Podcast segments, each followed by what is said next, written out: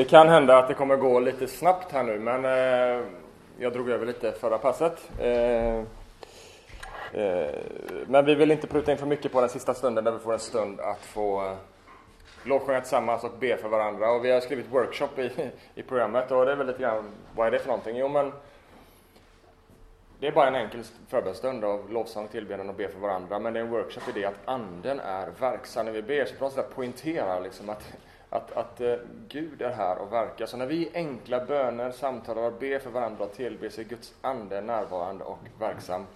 Så vi vill inte, inte att den stunden ska försvinna. Vi vill inte heller dra över tiden för mycket för att det är soligt och skönt ute och många vill ut. Så att det kanske går lite snabbt, men ni får, ni får räcka upp handen och vifta om, om liksom jag springer för snabbt fram. Och det är också okej okay att avbryta och ställa någon fråga om det är så.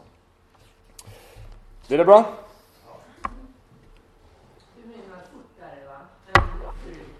Det kan bli lite fort, ja. Var det fort förut också?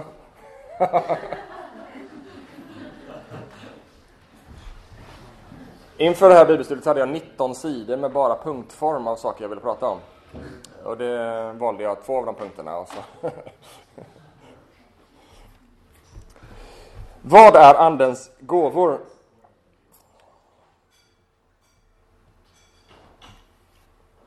Vi har pratat om vem Anden är och hur Anden verkar. Andens gåvor är uttryck hur Andens verk kanaliseras i och genom dig och mig som tror. Så att Gud verkar de facto genom dig och mig. Så Andens gåvor är Guds faktiska närvaro uppenbarad genom vanliga kristna för att bygga upp Kristi kropp och manifestera Guds kraft och tilltal. Andens gåvor är Guds faktiska närvaro uppenbarad genom vanliga kristna för att bygga upp Kristi kropp och manifestera Guds kraft och tilltal. Enkelt uttryck, uttryckt så är Andens gåvor förmågor som ges till oss som troende. Det är förmågor som ges till oss av Anden.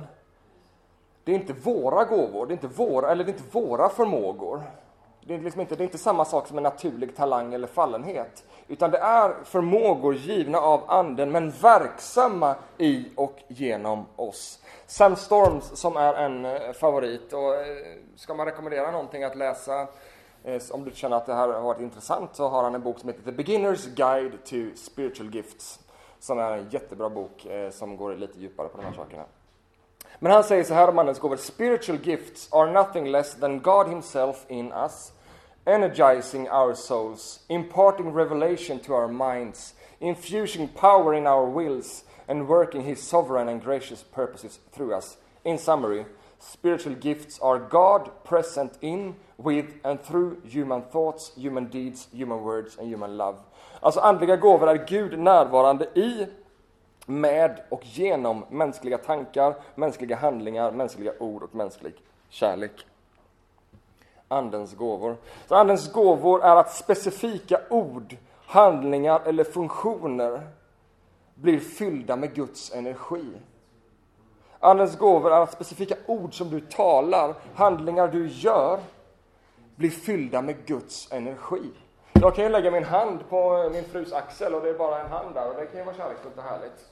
Men när Andens gåva är i funktion, då är Guds energi verksam genom den handen. Anden ger gudomlig energi in i våra förmågor och handlingar. Övernaturligt naturligt. Övernaturligt är det att Anden verkar. Men naturligt är det att det är kommit uttryck genom våra tankar, våra ord, våra böner och så vidare. Så övernaturligt naturligt.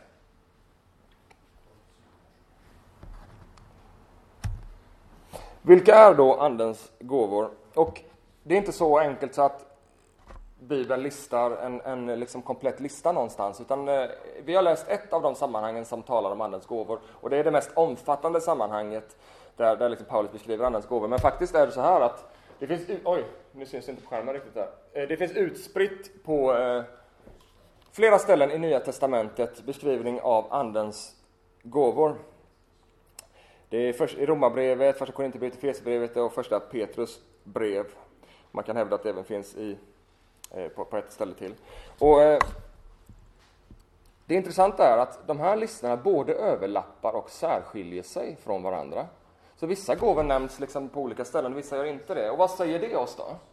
Jo, det säger oss att ingenstans försöks, görs det försök på att nämna en komplett lista.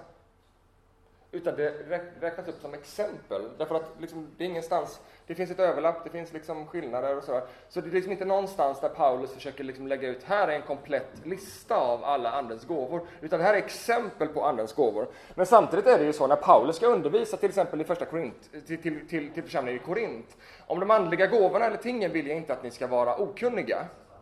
Då är det inte så att Paulus sen väljer att ta de liksom mest konstiga exempel, liksom sådana här udda gåvor som liksom nästan aldrig manifesteras. Utan man kan ju tänka sig att han tar kanske de vanligaste eller de viktigaste gåvorna. Så kan man väl tänka sig i alla de här olika sammanhangen utifrån vad man vill belysa.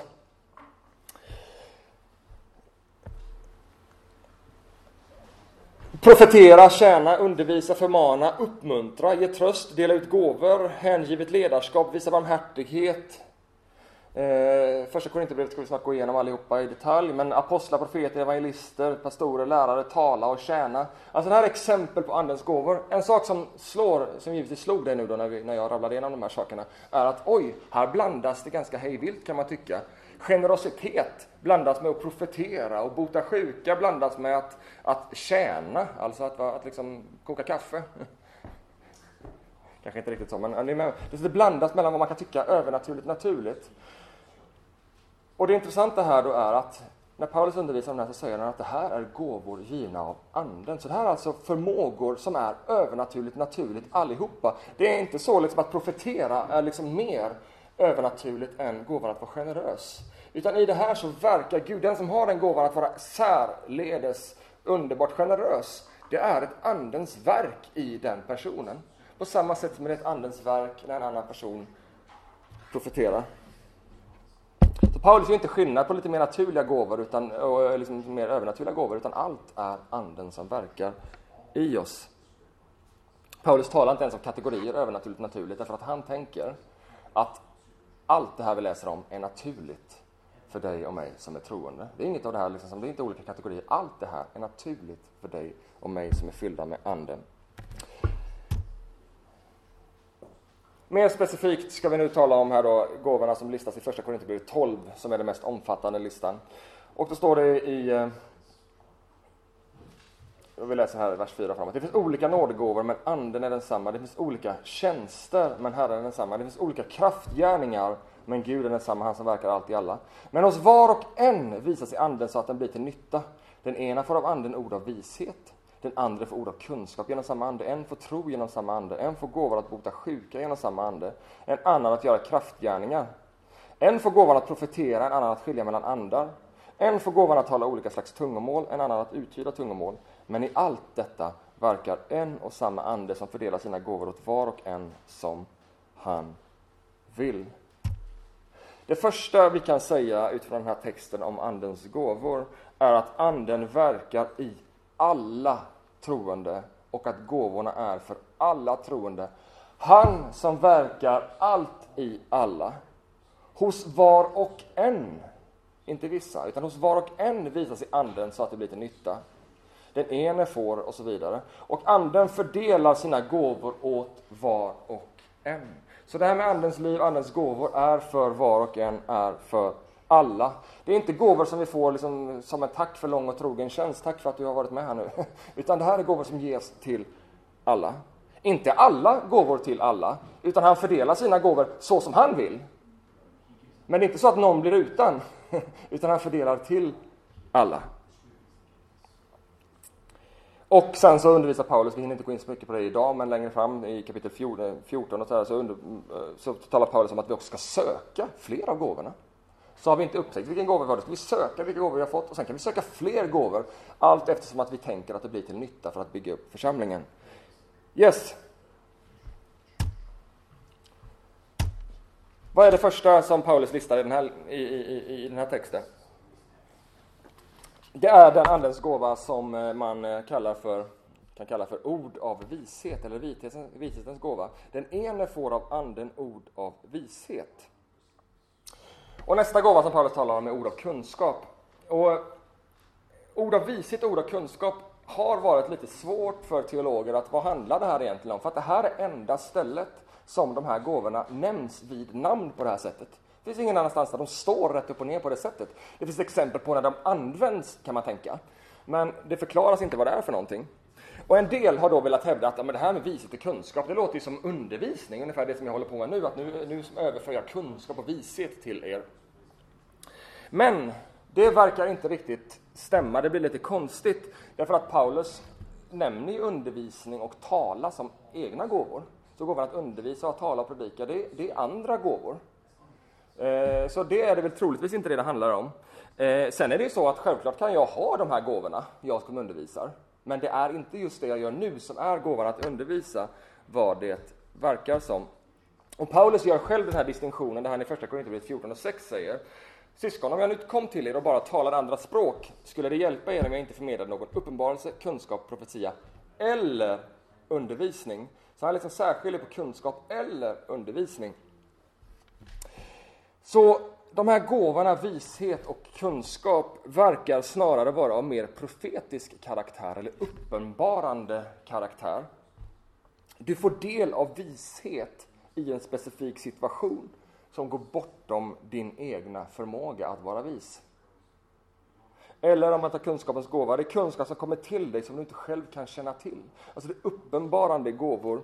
Ord av vishet, jag tror att den här gåvan kan fungera på olika sätt. Jag tror att det kan vara ord av vishet som kommer till i en specifik situation. Till exempel så bad jag Emelie, min fru, häromveckan inför den här samlingen. Och då så bara säger hon rakt upp ner, jag bara får så starkt till mig ordet holistisk. Jag tror att det är liksom ett ord eh, in i, för den här samlingen vi har nu. Och för mig blir det ett ord av vishet. Holistisk, jag men det blev, det blev ett, ett, ord av vishet för mig. Så det, det var liksom den gåvan i funktion, att tala in vishet in i en specifik situation. Men det kan också vara en vishet av ett annat slag, alltså en vishet som öppnar någon människas hjärta för budskapet om Jesus. Därför att i första Korinthierbrevet kapitel 2 så talar Paulus om Guds fördolda vishet. Och det kan man tänka har någonting att göra med liksom den här gåvan, vishetens gåva. Eh, alltså den fördolda visheten, visheten om vem Kristus är. Och han säger så här att vi har inte fått världens ande, utan anden som är från Gud, för att vi ska veta vad vi har fått av Gud. Detta förkunnar vi också, inte med ord som mänsklig visdom lär, utan med ord som anden lär när vi förklarar andliga ting med andliga ord. Och här visas det på en övernaturlig förmåga att förklara andliga ting med andliga ord. En förmåga att förklara djupen i Gud på ett sätt som når in i hjärtat hos den som är mottaglig. Så det här skulle kunna vara ett exempel på den gåvan i funktion. Vi vet inte exakt, men det, det, det känns ju ganska troligt att, att liksom vishetens gåva kan verka på ett sådant sätt ibland så att när du berättar om, om Jesus så liksom bara får du vissa vis, vishetsnycklar som öppnar en människas hjärta. Du kan förklara det här på ett sådant, sätt. Men det finns också exempel i Bibeln där gåvan är mer sammankopplad med ens personlighet. Det står talas om Salomon, att han, han, han, han, han bad till Gud att han skulle bli vis, och han blev särledes vis. Eh, så det kanske kan också vara kopplat på det sättet. Det innebär inte att han ägde kanske det, men han fick det som en gåva av Gud. Så den här vishetens gåva tror jag kan uppenbaras på lite olika sätt. Nästa gåva då som vi redan har touchat vid är ord av eh, kunskap. Den andra får ord av kunskap genom samma ande. Den här gåvan verkar vara närbesläktad med ord av vishet. Ord av vishet talar vishet in i en situation, men ord av kunskap uppenbarar något, ger kunskap om något bortom min egna kunskap in i en situation. Eh, och det har hänt mig ganska många gånger, till exempel i en gudstjänst eller i en bön för någon. Eller i predikan att det kommer en tanke här, jag kan inte släppa den. Den, den, den bara kommer tillbaka hela tiden. Eh, och så när man ber för någon så bara talar man ut den och så visar det sig att jag visste inte exakt vad det betydde, men, men, men det betydde någonting för den personen. Till exempel eh, i en gudstjänst att det finns någon här som brottas med da, da, da, da, da. Gud befria dig nu. Kunskapens ord som verkar till att utföra, det är när Guds energi kommer in i orden och då händer någonting. Det är det som är Andens gåva. Så jag tror att kunskapens gåva kan verka på det sättet att vi får en specifik kunskap. Vi förstår inte exakt vad det handlar om, men uff. Eh, Och det finns massor med sådana exempel på sådana tilltal. John Wimber, en, en, en känd profil, han satt på ett flygplan och det här är en ganska crazy grej, men han, jämte honom så såg han hur det stod otrohet i pannan på honom. Och han började prata med den här mannen och så, jag sitter jämte dig, jag känner inte dig, men otrohet. Och ju, man, man, får ha koll på läget när man talar ut sådana extrema saker, men, men det ledde till att den mannen fick omvända sig och försonas med sin fru. Och, eh, så det finns alltså den typen av kunskap som Gud ger, och Gud ger inte den här kunskapen för att, för att liksom avslöja någon på ett sätt så att det ska bli obekvämt, utan för att det ska leda till omvändelse, uppbyggelse, upprättelse för att Guds verk ska ske. Så det finns många sådana exempel. Och det finns många exempel i Nya Testamentet på vad som skulle kunna vara just ord av kunskap. Matteus 12.25, där står det att Jesus visste vad de tänkte. Och därför så sa han till dem. Hur kunde han veta det? Jo, det kom till honom. Han visste, så därför kunde han adressera dem där de var. Det är många, många sådana ställen. Lukas 6.8, men Jesus visste vad de tänkte. Lukas 9.47, men Jesus visste vad de tänkte i sina hjärtan. Alltså han visste vad de kände här inne. Därför så sa han. Johannes 4, 16-18, Jesus sa, det här är kanske en sån här, ett, ett av de tydligaste exemplen när kvinnan vid, vid, vid Sykars brunn, den samariska kvinnan, där Jesus inleder ett samtal med henne och, och, mitt i samtalet, han har aldrig träffat henne, så säger han till henne Gå och hämta din man och kom hit.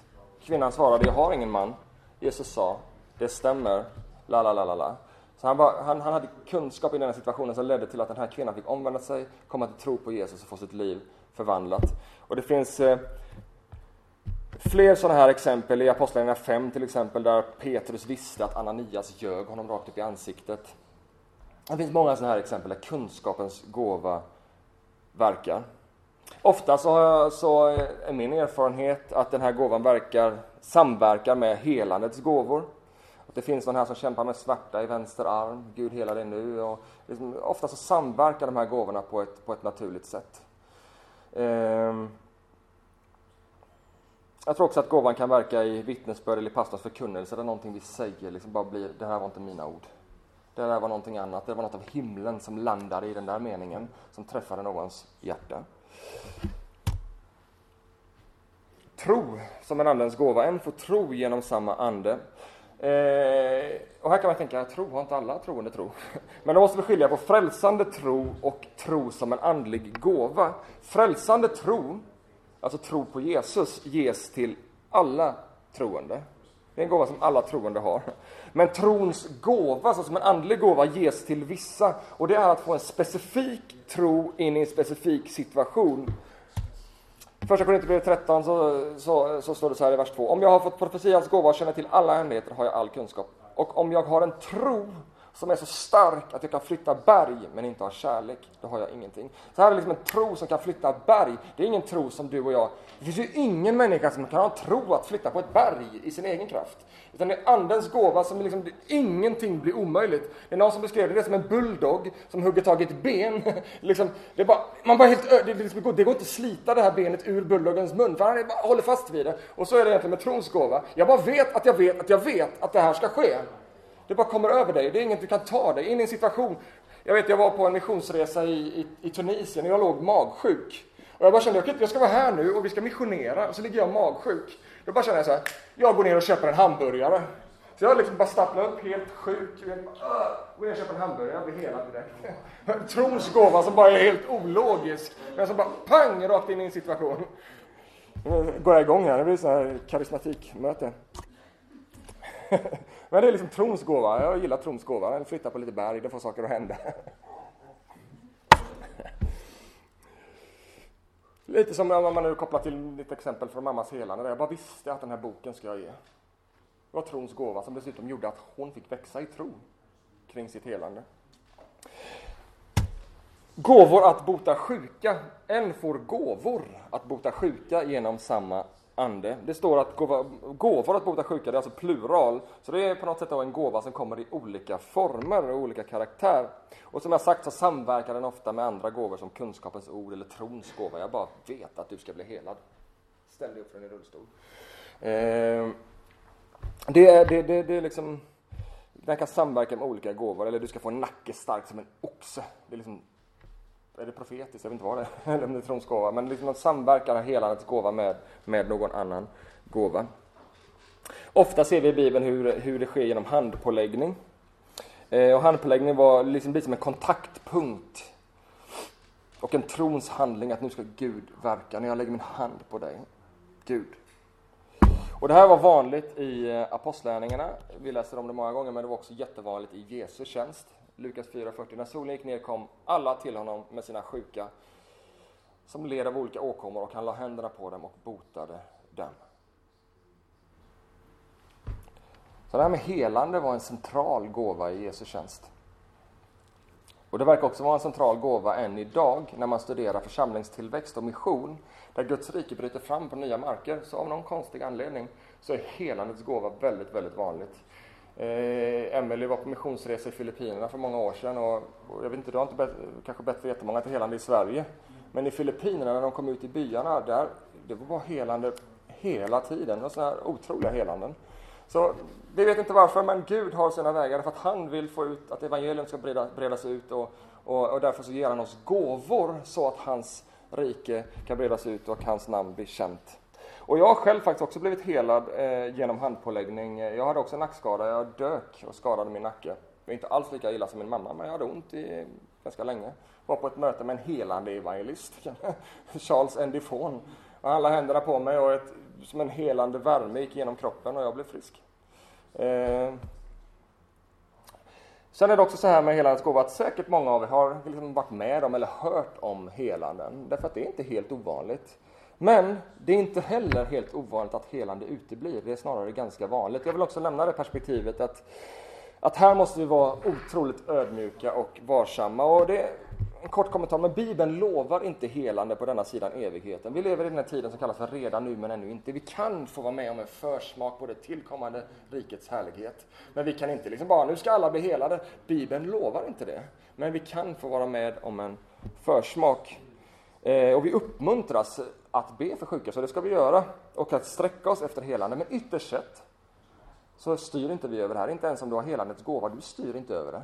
Det är anden som verkar i dig och det är upp till Gud och Guds nåd när vi får se det ske. Vi kan inte styra och kontrollera över detta. Och John Wimber som jag redan har nämnt, han var mäktigt, han, han startade en rörelse som heter Winyard och han var mäktigt använd över hela jorden. Han såg mängder med människor helade.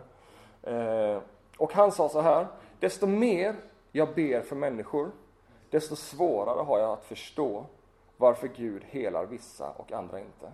Så en sån man som hela sitt liv har levt i en sån mäktig tjänst. Ju mer jag ser människor bli helade, ju mer jag ber för människor, desto svårare har jag att förstå varför det inte sker. Vi kan inte förstå, det är upp till Gud. Men så här är det. Eh, men vi ska inte ge upp, utan vi ska fortsätta be. Och vi ger inte upp. Och vi vet att i den här tiden så har vi liksom skatten som i lerkärl. Det är liksom lite bräckligt och det är som det är. Det är inte fullkomligt riktigt ännu. Men allt som oftast när vi faktiskt ber och sträcker oss ut och när vi verkar i de gåvor som Gud har lagt ner i oss så kommer vi få uppleva en försmak på det som ska bli vårt evighet. Och vet ni vad vi gör då? Då gläds vi. Får vi vara med om ett helande, då gläds hela Kristi kropp. Wow, en försmak. Men när, vi, när det uteblir, då gråter vi tillsammans med den som lider och vi hoppas, gråter och tror tillsammans. Så här måste vi ha en ödmjukhet, men vi behöver inte ge upp det ena för det andra. vi får leva i redan nu, men ännu inte. Kraftgärningar.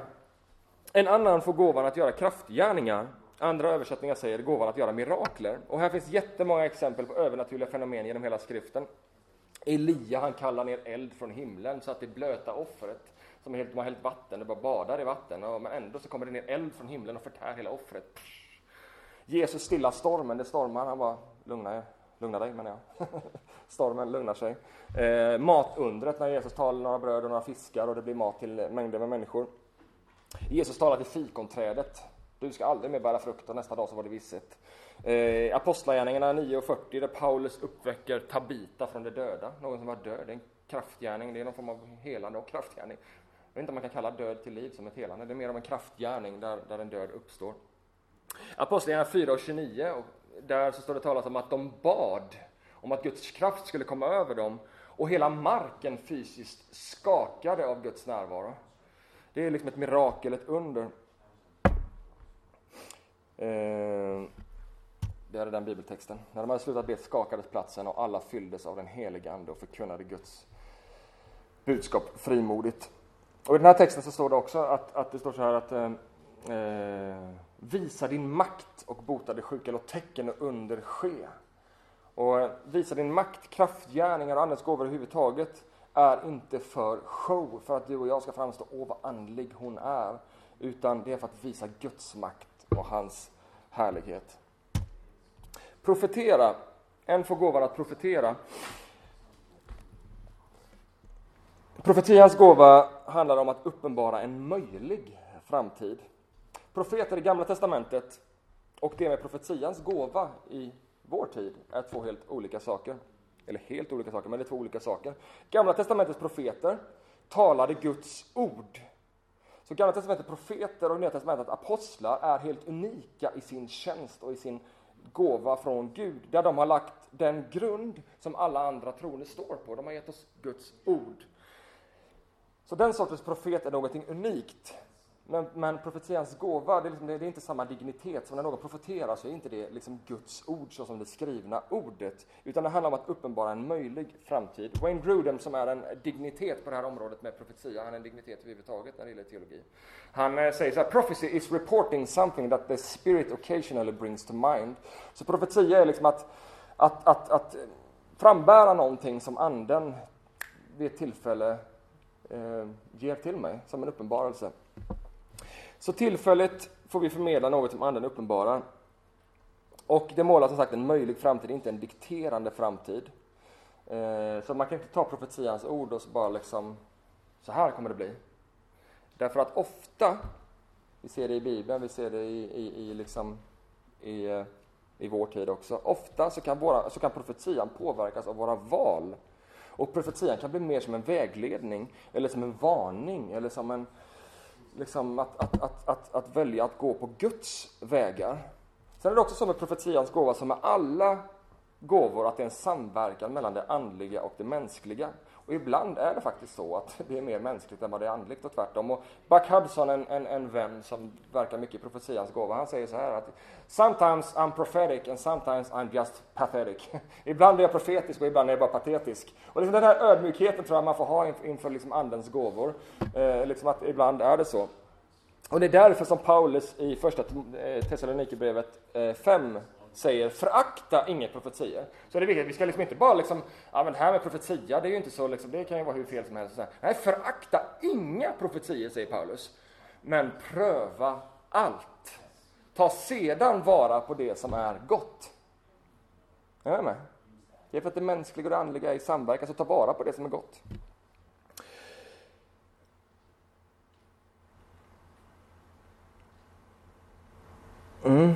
Så vi ska pröva allting, är det här i linje med Guds ord? Men också pröva, är det här, känns det här sunt och balanserat? Är det i linje med Bibelns övergripande budskap och inför Gud i bön och kanske samtal med andra? Känns den här profetian som att den, ja, då kanske jag ska ta det här på lite mer allvar. Eh, sträva efter kärleken, men var också ivrig att få de andliga gåvorna, framför allt profetians gåva. Så Paulus säger gång på gång att det här är en viktig gåva. För att den som profeterar talar till människor och ger uppbyggelse, uppmuntran och tröst. Så det är vad profetians gåva är. Så ger det inte uppbyggelse, uppmuntran och tröst, då kanske man ska fundera över, vad det där en profetia? Eh, så det är på något sätt en hjälp att pröva en profetia. Är det här till uppbyggelse, är det till uppmuntran och är det till tröst? Skilja mellan olika andar är en annan gåva. Och här har jag också personliga exempel att ge, men, men vi kanske inte hinner gå in så mycket på det. Men, men en sak är att Bibeln är liksom självklar kring den andliga verkligheten. Det finns en andlig verklighet, det finns goda andar, det finns onda andar. Eh, det finns en god ande och det finns onda andar. Goda andar det finns. Eh, men gåvan att skilja mellan olika andar är också en uppenbarande gåva, alltså en form av profetisk gåva, där en person får klart för sig, en person som har den här gåvan får klart för sig om det är demonisk aktivitet involverad i ett sammanhang eller hos en person. På något sätt så kan liksom demonisk aktivitet avslöjas, så att Jesus opererade den här gåvan gång på gång, där han befriade folk från onda andar. Eh, hur kunde han veta att det var en ond ande? Personen var ju sjuk. För att han hade gåvan att skilja mellan olika andar. Eh, så han kan då urskilja när något bara var naturliga åkommor och något var en ond ande och han befriade dem. Så ofta tror jag den här gåvan är kopplad till befrielsetjänst, att hjälpa människor som fastnat i det okulta att bli fria. Men gåvan kan också avslöja falska profetior. Det, det, spådom är en falsk profetia. Där folk kan spå med hjälp av onda andar, ibland bara med hjälp av idioti, men vissa har kontakt med onda andar och spår. Och det ser vi också i, i Apostlagärningarna, läser vi om det, hur, hur, hur, den, hur det här avslöjas. Det här är falska profetier, det här är spårdom, det här är inte från Gud. Eh, lyssna inte på det här. Eh, så det är liksom, den gåvan behövs för att kunna urskilja vad som är av Gud och vad som är fel. Apostlagärningarna 13 så till exempel så avslöjar Paulus en trollkarl som försöker hindra Guds verk. Eh, och så vidare. Tungotal. En får gåvan att tala olika slags tungomål. Tungotal. Och det här kanske är en av de mest, en gåvorna som har blivit mest kontroversiell. Dels för att det verkar lite konstigt att tala liksom, tungor, är ju konstigt. Men också för att man har hört liksom, undervisning om andedop, så som vi talade om innan. Där liksom, tungotal har blivit som en börda snarare än en, en, en välsignelse. Eh, men Paulus han säger i det första Korinthierbrevet 14.18 Jag tackar Gud för jag talar i tungomål mer än alla er andra. Så för honom var det en välsignelse att tala i tungor. Han tyckte det var härligt. Eh, så det ska inte vara en börda utan en välsignelse för den som har den här gåvan. Men vad är det då för gåva? Och på samma sätt som med helandets gåvor så nämns även denna gåva i plural.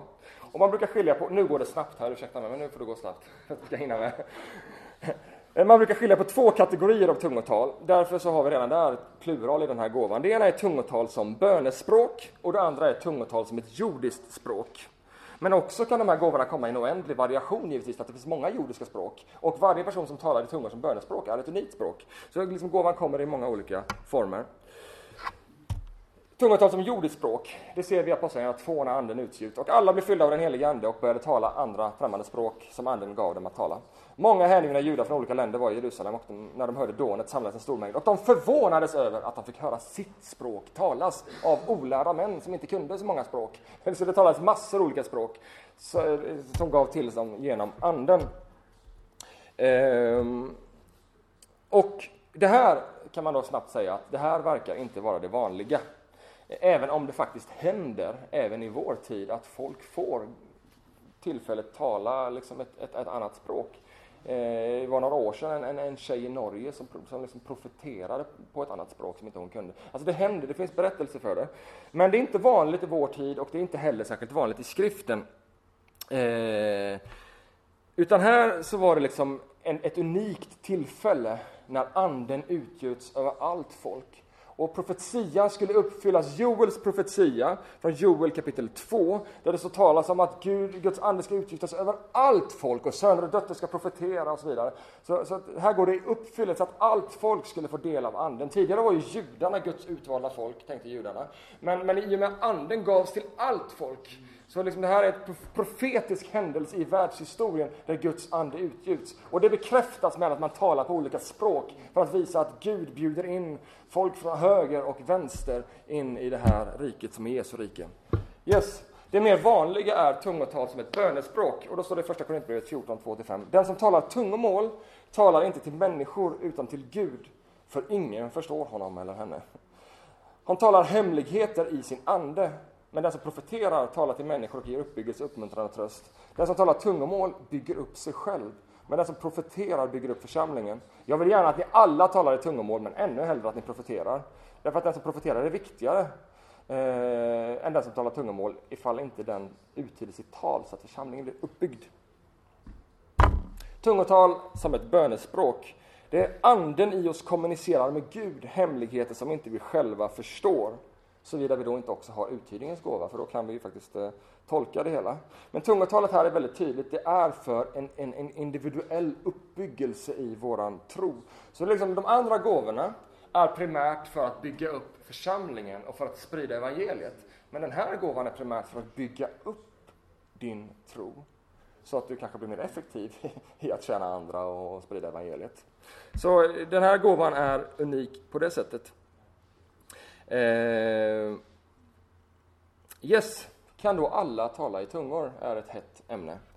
Eh, och eh, det har man den här synen av att andedop är en särskild händelse efter frälsningen som alla ska få del av och då ska vi tala i tungor. Då ska ju alla tala i tungor givetvis för att det är då man har fullheten av alltihopa, hela paketet. Så det har betonats inom vissa sammanhang. Men vad har då Paulus att säga om denna tanken att alla ska, ska tala i tungor?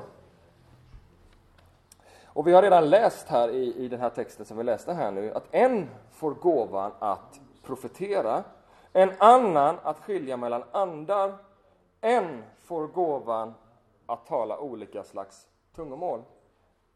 Paulus särskiljer inte någon gåva här, inte heller tungotalets gåva. Det står inte så här att en får gåvan att profetera, en får gåvan att tala kunskap och alla får tala i tungor. Så står det inte. Utan en får profetia, en annan får tungotalets gåva. Är ni med mig? Vidare i eh, första Korinthierbrevet 14.27 så säger Paulus här, om någon talar tungomål, om någon talar i tungomål, för Paulus säger inte, förutsätter inte att alla talar i tungomål, utan om någon talar i tungomål så får högst två eller tre prata per gudstjänst. Och då ska det uttydas. Alltså om någon finns närvarande som har tungotalets gåva, slutsats, alla har inte gåva. Och till slut är bibelstället som där Paulus gör det helt eh, uppenbart i första Korinthierbrevet 12, 29-31. Alla är väl inte apostlar, alla är väl inte profeter, alla är väl inte lärare, alla gör väl inte kraftgärningar, alla har väl inte gåvor att bota sjuka, alla talar väl inte i tungomål, alla kan väl inte uttyda, men sträva efter de gåvor som är störst. Och vad gör Paulus i hela det här sammanhanget? I första Korinthierbrevet 12 så talar han om kyrkan som en kropp där alla lemmar behövs. Därför att vi har olika gåvor och för att kroppen ska fungera som sin fullhet så behövs alla, för alla har inte alla gåvor, men tillsammans har vi alla gåvor. Så därför är kroppperspektivet jätteviktigt. Så vad Paulus säger här, att alla talar inte i tungor, och alla profeterar inte. Nej, vi har olika gåvor. Sen så ska vi, säger Paulus, att man strävar efter att tala i tungor och sträva ännu mer efter att profetera. Så det är ju någonting härligt att vara med liksom och uppleva. Men det, alla har inte den gåvan. Eh, en del har då försökt hävda att det här bibelstället är retoriskt. Här är Paulus retorisk. Alla talar väl inte i tungor? Och så här liksom en retorisk fråga. Jo, det gör vi väl visst det, ska man då svara på den retoriska frågan. Det konstiga är då att i sådana fall är han retorisk med hela det här stycket. Så i sådana fall så är alla apostlar, alla profeter, alla lärare och alla gör kraftgärningar och så vidare. Vilket... Ja, ni förstår att det fungerar inte. Så Paulus är inte retorisk, han är uppenbar i vad han kommunicerar. Eh, men självklart, precis som alla andra gåvor, ska vi söka gåvan att tala tungor. Det bygger upp oss, det är underbart. Så, eh, men alla har inte gåvan. Yes. Uttyda tungotal. Det är den sista gåvan i den här listan. Eh, och det här, också, det här är också en form av profetisk uppenbarande gåva, som uppenbarar det vi inte själva kan veta. Den som profeterar är viktigare än den som talar tungomål ifall han inte uttyder sitt tungotal så att församlingen blir uppbyggd. Så uppbyggelse är ett jätteviktigt perspektiv i Paulus undervisning om nådegåvor. Att nådegåvorna är inte först och främst för min egen skull, det är för att bygga upp Guds församling. Så här får man en gåva så att man kan uttyda sitt eget eller andras tungotal. Inte så som att man lär sig grammatik och liksom, eh, får en liksom, gloslista och plugga in och kan alla glosor, utan jag tror inte man förstår liksom, på det sättet, utan man får till sig, när någon talar i tungor så får man liksom en uppenbarelse, man får en, som en form av profetia som aktiveras när någon talar i tungor. Eh, på så vis blir tungotalet, som är tilltänkt för individuell uppbyggelse, också till uppbyggelse för församlingen. Det är ju jättebra. Och sen är det så här, bara för att man har den gåvan så kan man inte uttyda alla tungotal, utan det är ju när gåvan aktiveras. Det, liksom, det kan man inte styra inte över. Det som är helandets gåva, vi styr inte över när helandet sker. Men, men liksom, anden, anden eh, har full koll på det här. Yes, Tack för att ni har orkat med min snabbgenomgång av, av första Korinthierbrevet 12. Eh, ni förstår att vi kan hålla på hur länge som helst kring det här, men, men på något sätt så min önskan har varit att sätta igång en process i, i, eh, bland oss. Att det väcker en längtan att uppleva än mer av Andens gåvor och Andens liv och det som, som Gud har för oss. Och för någon kanske det har varit bara väckt en jättelängtan, jag vill bara uppleva mer av det här. För någon annan så kanske det har utmanat någon teologisk ståndpunkt som du har haft och liksom, du får gå hem och brottas med det. Fundera över det. Och, eh, kanske har du varit låst i en tanke kring en, liksom, vad jag skulle säga, en icke-biblisk syn kring andedopet. Jag hoppas att, att min undervisning har befriat dig till att inse att du har Guds ande. Det här vi talar om, det är för dig. Du är, har fullheten av Gud och du kan bara fortsätta att upptäcka ditt sökande av Andens gåvor och Andens liv. Och eh, vi ska nu avsluta med en stund av, eh, av lovsång och förbön. Och det här, nu ska vi inte ha någon så här dramatik och hysteri, utan En väldigt viktig sak är att inse att i och med att vi har anden, i och med att anden verkar i oss, så i varje liten bön du ber så är Guds ande verksam. När du läser din bibel så är Guds ande verksam. Så när vi har en stund av lovsång så verkar anden i dig. När, vi, när du lägger din hand och ber för någon så verkar anden. Oavsett om du upplever att någon gåva så här liksom aktiveras. Liksom, eller så här. Släpp det. Utan låt det bara få vara naturligt, övernaturligt, så växer vi i den här förståelsen tillsammans. Vi har ett helt liv att upptäcka än mer av det som Gud har att ge. Men jag tror att vi ska leva med perspektivet av att vi kan få uppleva alla gåvor, för vi kan inte kontrollera vilka gåvor Gud väljer att ge oss. Så lev med perspektivet öppet, begränsa inte. Jag vill bara ha gåvan att hela, så jag tänker inte profetera, utan var med en öppenhet liksom, i, ditt, i ditt andaktsliv mot att, att Gud kan eh, verka i dig på olika sätt. Sen det absolut viktigaste är att vi börjar att leva som att Anden faktiskt verkar. Hur ska Anden kunna verka om vi aldrig ber för varandra, om vi inte liksom lever det livet där, där liksom vi möjliggör liksom den här platsen? Så eh, nu är det en stund innan vi ska gå ut i solen. Vi börjar med att vi kan väl ställa oss upp så ska vi sjunga en lovsång tillsammans. Efter den lovsången så tänker jag att vi kan väl bara dela in oss tre och tre, eller som vi har suttit eller hur som helst, men dela in oss i grupper av tre och tre.